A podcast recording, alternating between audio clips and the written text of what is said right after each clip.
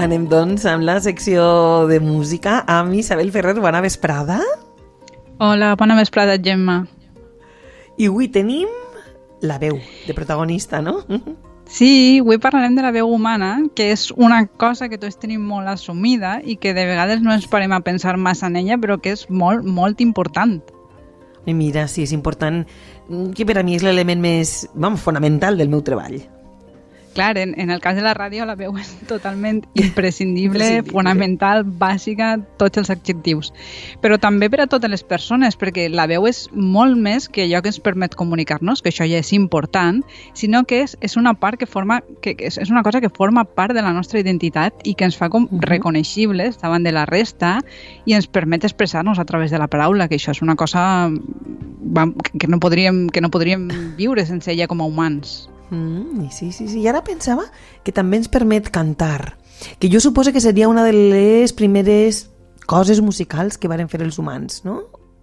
I aquí diu no? que sí. I aquí diu que, que, que a través de... No ho sabem perquè desafortunadament no en sabem tant d'aquells inicis, eh, pot ser algun dia tant de bo, però hi ha qui diu que a través de la veu els, els humans començarem a, a fer música en els ritus i, i a expressar-nos musicalment, que seria com el primer instrument, per dir-ho així. Però encara podem anar a nivells més profuns de, de la unió entre ser humà eh, eh, i, i veu, i se m'ocorre, per exemple, els xiquets. Els xiquets, quan, quan naixen, la veu és un dels principals sistemes de defensa, perquè a través del plor i dels crits ens adverteixen sobre que els passa alguna cosa, que no tenim pràcticament un altre, els humans un altre sistema de defensa, que hi ha altres eh, mm. mamífers que sí que en tenen.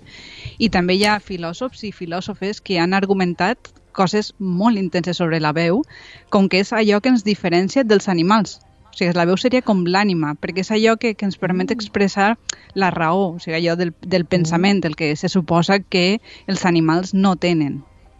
Ja. I els humans tenim racionalitat, però a vegades no es nota massa, eh, hem de dir. No, a vegades Ai, no, a vegades els animals no. tenen més coneixement. Mm, I parlant d'humans i animals, m'ha vingut una pregunta al cap que jo sé segur que l'has esbrinada. Els animals tenen cordes vocals? Jo, jo, jo tampoc ho, ho sabia, però internet sí que ho sap tot. I, i els mamífers els mamífers són els, els, uh, els animals que tots tenen cordes vocals, excepte les girafes, que són uns animals més discretets i no, no en tenen, perquè si recordeu el programa que parlàrem sobre música i animals, fins i tot les mm. balenes, com a mamífers, canten entre cometes perquè emeten com uns sons no? en el procés d'aparellament. O sigui que sí que els mamífers tenen cordes vocals. Eh, mm. però també hi ha altres tipus d'animals que no són mamífers que en tenen. Però això no vol dir que tots els animals en tinguin. Vaig a posar un exemple ràpid del cas mm. més curiós, que és un animal que produeix sons molt i molt similars als humans, que són els lloros, però que no tenen cordes vocals. Tenen com un òrgan que s'anomena siringe i que són com una, una espècie de parets car cartilaginoses que el que fan és que tenen molta facilitat per, per, per imitar i emetre sons amb gran precisió, però no tenen cordes vocals. Molt curiós, sí senyor. I està bé recordar aquesta part més biològica en animals, però també en humans, per a no oblidar que la veu és una part del cos i que cal cuidar-la també. Sí, la, la veu té una part biològica important, això és obvi, i cal tindre cura d'ella i si detectem problemes, els logopedes ens poden ajudar com a professionals en tot allò que necessitem. Però a mi, allò que em resulta més apassionant de, de, mm? dels molts fenòmens que afecten a la veu és que és que n'hi ha molts fenòmens que són de tipus cultural, encara que no ho pareguen. Eh? Pareixen molt naturals, que estan com molt units a les persones, però són molt culturals. Són fenòmens que hem interioritzat que són així, però que no ho són mm. tant. Ara vaig a explicar-ho. Eh? A nosaltres, sí. per exemple, ens han educat en que els xiquets tenen una veu que s'anomena blanca. S'anomena uh -huh. veu blanca de, de la mateixa manera que els salvats, sí? eh, eh, albats és eh, els xiquets eh, que encara no han comulgat, eh, per símil amb, amb la puresa. Els xiquets són purs però sí. que encara no han pecat. Aleshores, a mesura que ens anem fent majors i especialment quan arribem a l'adolescència, esta veu canvia perquè hi ha una part del cos, que és la laringe, que creix. En els homes creix un centímetre i en les dones uns 3 mil·límetres. I és quan diem que en els homes que canvien la veu, i és allò molt habitual que els passa a molts preadolescents i adolescents que fan una espècie de galls no? quan parlen, i és perquè s'està sí. donant aquest creixement. Escolta'm, Isabel, i aleshores la veu de les dones no canvia? Durant molts Bueno, anys anomenat també veus blanques a, a les veus de la dona perquè se suposava que continuaven sent agudes com les dels xiquets. Esta és una classificació, la d'igualar a les veus de les dones i dels xiquets, perquè es considerava que la veu masculina era la perfecta i la femenina seria com una versió imperfecta i immadura, sigui, a l'altura Oh. de, de la maduresa d'un xiquet, no? I avui en dia este discurs ja no cola, òbviament, està totalment desfasat. Primer perquè sabem que les veus de les dones també es fan més greus, amb, amb el pas a l'adolescència i perquè, òbviament, les veus de les dones no són ni menys ni més madures que les dels homes. Igual són diferents, però eh, estan al mateix nivell. I vos posaré un exemple d'àudio mm, que coneixereu segur, on es veurà molt fàcilment això que he explicat. Bonheurs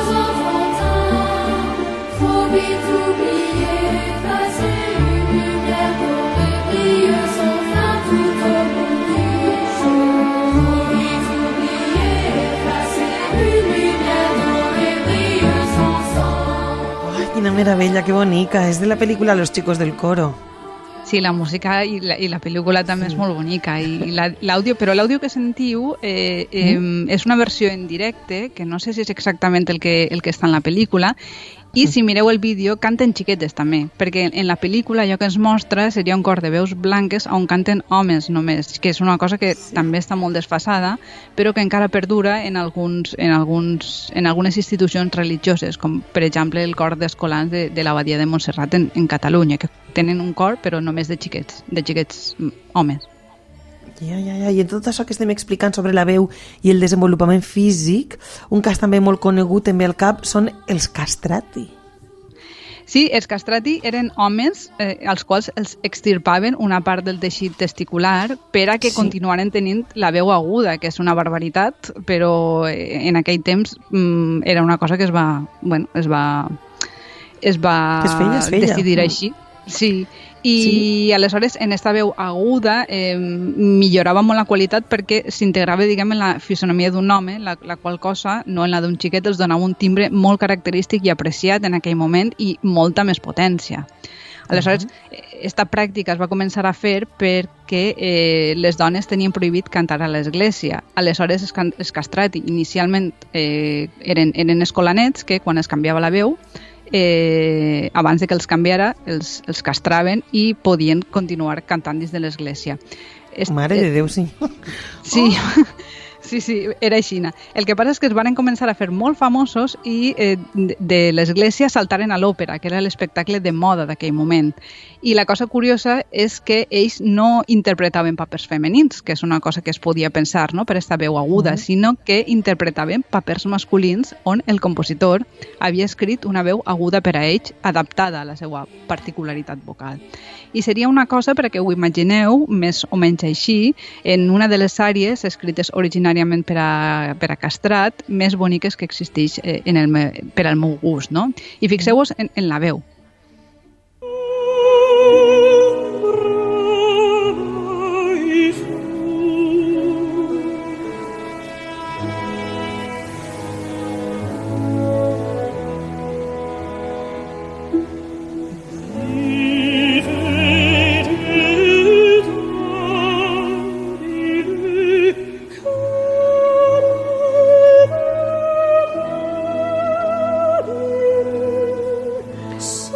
Això és la veu d'un castrat?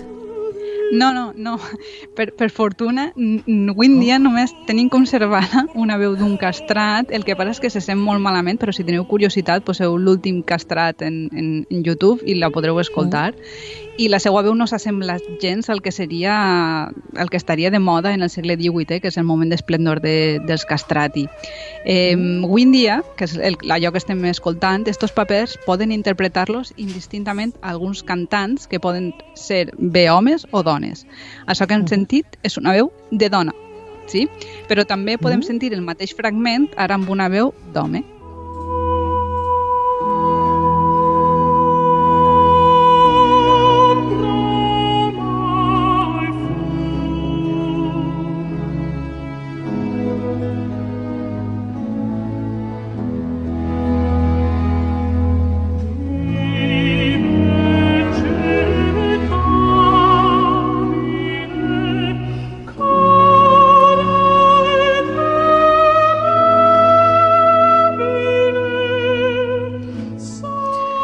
Isabel, jo no haguera sabut distingir entre un- una i l'altra, vull dir, en el sentit de dir-te si era un home o una dona, escoltant les Sí, veus. per, perquè en, en les veus estem molt acostumbrats a fer com una classificació molt estricta Sí. entre homes i dones, però entremig hi ha com una zona de grisos molt, molt interessant.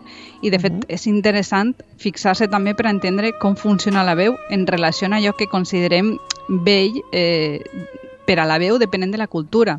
Per exemple, en la nostra tenim molt, interioritzat que dins dels cànons de bellesa de la masculinitat i de la feminitat associem una determinada veu. La bellesa de la veu de la dona està en el fet de tindre una veu aguda i dolça i en els homes al revés, com greu i ben modulada. Però, si ens fixem en aquesta zona de grisos, no, segurament eh, estaria bé fixar-se en, en, en la varietat de veus que, que hi ha en realitat, eh, de la mateixa manera que hi ha una gran varietat de cossos. I, I podríem d'alguna forma canviar la nostra veu? parcialment perquè tots tenim la nostra veu que és prou inconfusible i de fet hi ha veus que són molt inconfusibles ara pense per exemple en, en la veu de Michael Gill o, Mm. o en el cas de la de Tina Turner, que les escoltes i enseguida, pam, saps que, saps que són ells, no? Sí. Eh, però a partir de la nostra veu podem jugar moltíssim amb ella o fins i tot realitzar teràpies, per dir-ho d'alguna forma, per a canviar la veu. Jo no sóc especialista en la temàtica, però sé que existeixen algunes, eh, es diuen teràpies, no sé si és el millor nom, per a les persones que desitgen transitar d'un sexe a l'altre i que volen un poc acoplar la seva imatge a allò que consideren una veu desitjable en correspondència en allò que considerem socialment eh, desitjable o que aquestes persones volen, no? Aleshores, és, és un tema sobre tam també hi ha com un debat obert i que en, en podem parlar d'un altre moment perquè també suscita molt, molta controvèrsia. És clar, sí, tant, sí, sí, ho podem xerrar. I mentre, i mentre deies això, i el canvi de veu, també he pensat eh, en els imitadors o imitadores que són capaços de fer amb la seva veu les altres veus, les veus de moltes altres persones. Sí, això també és un tema curiosíssim i està molt relacionat amb, amb una de, de les últimes coses que volia contar-vos avui, que és un concepte que està inventat que s'anomena empremta vocal. I l'e- l'empremta vocal seria una cosa anàloga a l'empremta dactilar, que tots sabem què és, no? Sabem que Mhm. no hi ha dues empremtes digitals iguals, que és allò que ens fan en el DNI o que apareixen en les, en les pel·lícules, estes un poc de, de lladres i serenos. Aleshores, com la veu és una cosa també molt única a cada persona, va haver un científic que va pensar que es podia crear una empremta vocal, que seria diferent en cada persona. Esta empremta vocal s'obtenia després d'analitzar acústicament la parla amb un espectrògraf, que és un aparell que mesura diferents aspectes de la veu i que fa com un dibuix eh, del que tu estàs parlant, que avui en la Ah. tecnologia informàtica és molt senzill de veure. Segons l'inventor d'esta empremta vocal, es podia identificar una persona analitzant els espectrogrames de 10 paraules corrents. Eh? Deia 10 paraules i ja mm, feies el dibuix i ja podies identificar a, a, a una persona diferent de l'altra totalment. Ah, Doncs això estaria molt bé. Sí. Sí, sí, al principi a tot el Sí? món li va sembrar molt bona idea i fins i tot a la policia, que de sobte es va trobar que podia afegir com una possibilitat més a les seues tècniques d'investigació. De fet, allà en els anys 60, eh, amb aquesta empremta vocal, la policia va aconseguir demostrar que la veu d'un delinqüent era la mateixa que sonava en una telefonada on ell es delatava parlant amb un amic. No? Aleshores va poder, amb l'espectrograma, comparar-la amb la del telèfon i saber que ell era el que s'havia delatat. O sigui que al principi es va tindre molta fe en la, en la utilitat d'esta tècnica. Al principi. O sigui que després ja no? No, es veu que després d'alguns quants casos, altres especialistes eh, va saltar l'alarma, eh? van començar a tenir els seus dubtes, perquè a diferència de les empremtes dactilars que no canvien mai, sabem que la veu pot sofrir molts canvis per diferents causes, per edat, accidents, malalties a les vies respiratòries, per moltes causes. Aleshores, uh -huh. es van fer, començaren a fer experiments eh, per, per demostrar que l'empremta vocal no tenia prou fi fiabilitat. Mira, per exemple, a Gran Bretanya agafaren l'espectrograma de la veu del primer ministre i la comparàrem amb un espectrograma d'un imitador seu. Aleshores, els dos espectrogrames resultaren ser molt similars, tant que costava distingir-los. O sigui, de fet, no sabien quina era del primer ministre i quina de l'imitador. En canvi, agafaren l'espectrograma eh, del, de, de l'imitador fent dos veus diferents, la seva veu natural i una altra, Sí. i eixiren dos espectrogrames completament diferents. O sigui que al final esta empremta dactilar vocal no ha servit de molt perquè es podien confondre dos empremtes vocals de persones diferents i en canvi una mateixa persona podia tindre diferents empremtes vocals. Ho he dit bé? Sí, avui en dia no sé Sí? com estarà el, el tema, no sé com haurà evolucionat este tipus de tecnologia, però a diferència això de l'empremta vocal, eh, de l'empremta dactilar, perdó, sembla ser que, que en la veu es poden fer moltes coses, però eh, tantes que encara continua sent una cosa que, que podem malear molt cadascú. Uah, que interessant, Isabel, com sempre, tot allò que ens contes, però després la veu em resulta fascinant, no? Eh, Tants Sí. matisos, tantes coses, sí. Totalment, totalment fascinant. És una de les coses més, més apassionants, crec, de, de, del cos humà.